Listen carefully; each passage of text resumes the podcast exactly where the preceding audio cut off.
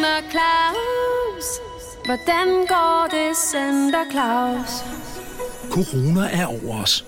Og her i juletiden rammer det særligt alle de centerjulemænd, som ellers hvert år drysser julestemning over storcentre rundt om i landet. En af dem er Center Claus. Center Claus arbejder ligesom alle andre danskere hjemmefra, og må derfor tage imod ønsker fra børn over telefon, i stedet for på sin plads nede i centret. Julen i Storcentret er udsat på ubestemt tid, og Center Claus har travlt med at forberede sit store juleshow og få alle centerjulemænd tilbage på arbejde. Indtil videre er det kun den ret så insisterende og omsorgsfulde mor Anne Mette, der har ringet med ønsker for sin søn Lukas. Velkommen til 4. december. Så er det på med juleskægget, Claus. Der er et barn, der kan ringe hvert øjeblik. Hov! det er Claus, julemanden. Ho, ho. Ja, Dag, du taler med Anne Mette. Anne Mette. Jamen, vil du ikke få din søn Lukas til at ringe med et juleønske i dag? Jeg siger dig, det er blevet meget bedre med hans eksem på hænderne hen over natten. Jamen, det hjælper nok, at vi skal lidt ned på den der håndsprit. Jeg ved godt, at Søren Brostrøm siger, at man skal spritte hænder, både før man tager mundbind på og efter.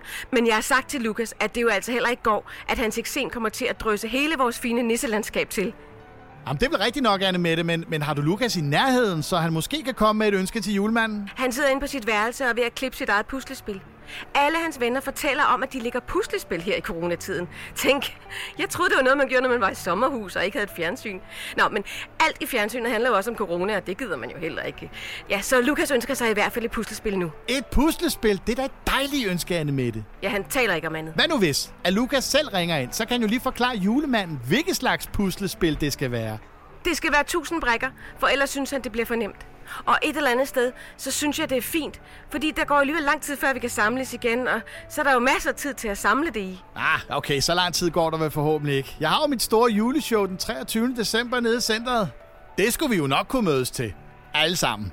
Lukas får slet ikke tid til at se noget juleshow, når han først går i gang med det der puslespil. Nå, men han ønsker sig et med sin store superhelt Søren Brostrøm på. Ja, Det har en af hans venner nemlig, som Lukas har set et billede af. Ja, det- det skal bare være det, siger han. okay, jamen det må jeg nok sige. Jamen skal Lukas så ikke lige ringe i morgen og tale med julemanden? Så skal jeg nok prøve at hjælpe ham med, med det der juleønske. Det er jo egentlig børnene, der skal ringe ind. Ellers så kan du lige svinge forbi uh, bogbutikken og se, om de har flere tilbage på hylderne. Fordi jeg skal sige, der er en af hans venner. Nu må du, Anne Mette, have en rigtig glædelig december. Hvordan skal det nu gå, Center Claus? Hvad vil han gøre for at få alle centerjulemænd tilbage på arbejde igen? Og bliver juleshowet nede i centret den 23. december nogensinde til noget? Ja, vi har jo alle brug for lidt ekstra i år, men et puslespil på 1000 brikker? Nå, det var det juleshow, jeg kom fra. Wuhan, det bliver godt. Center Claus, den hjemsendte julemand. Sammen med UNICEF, vi har alle brug for lidt ekstra i år. Lyt til alle afsnit på Radio Play.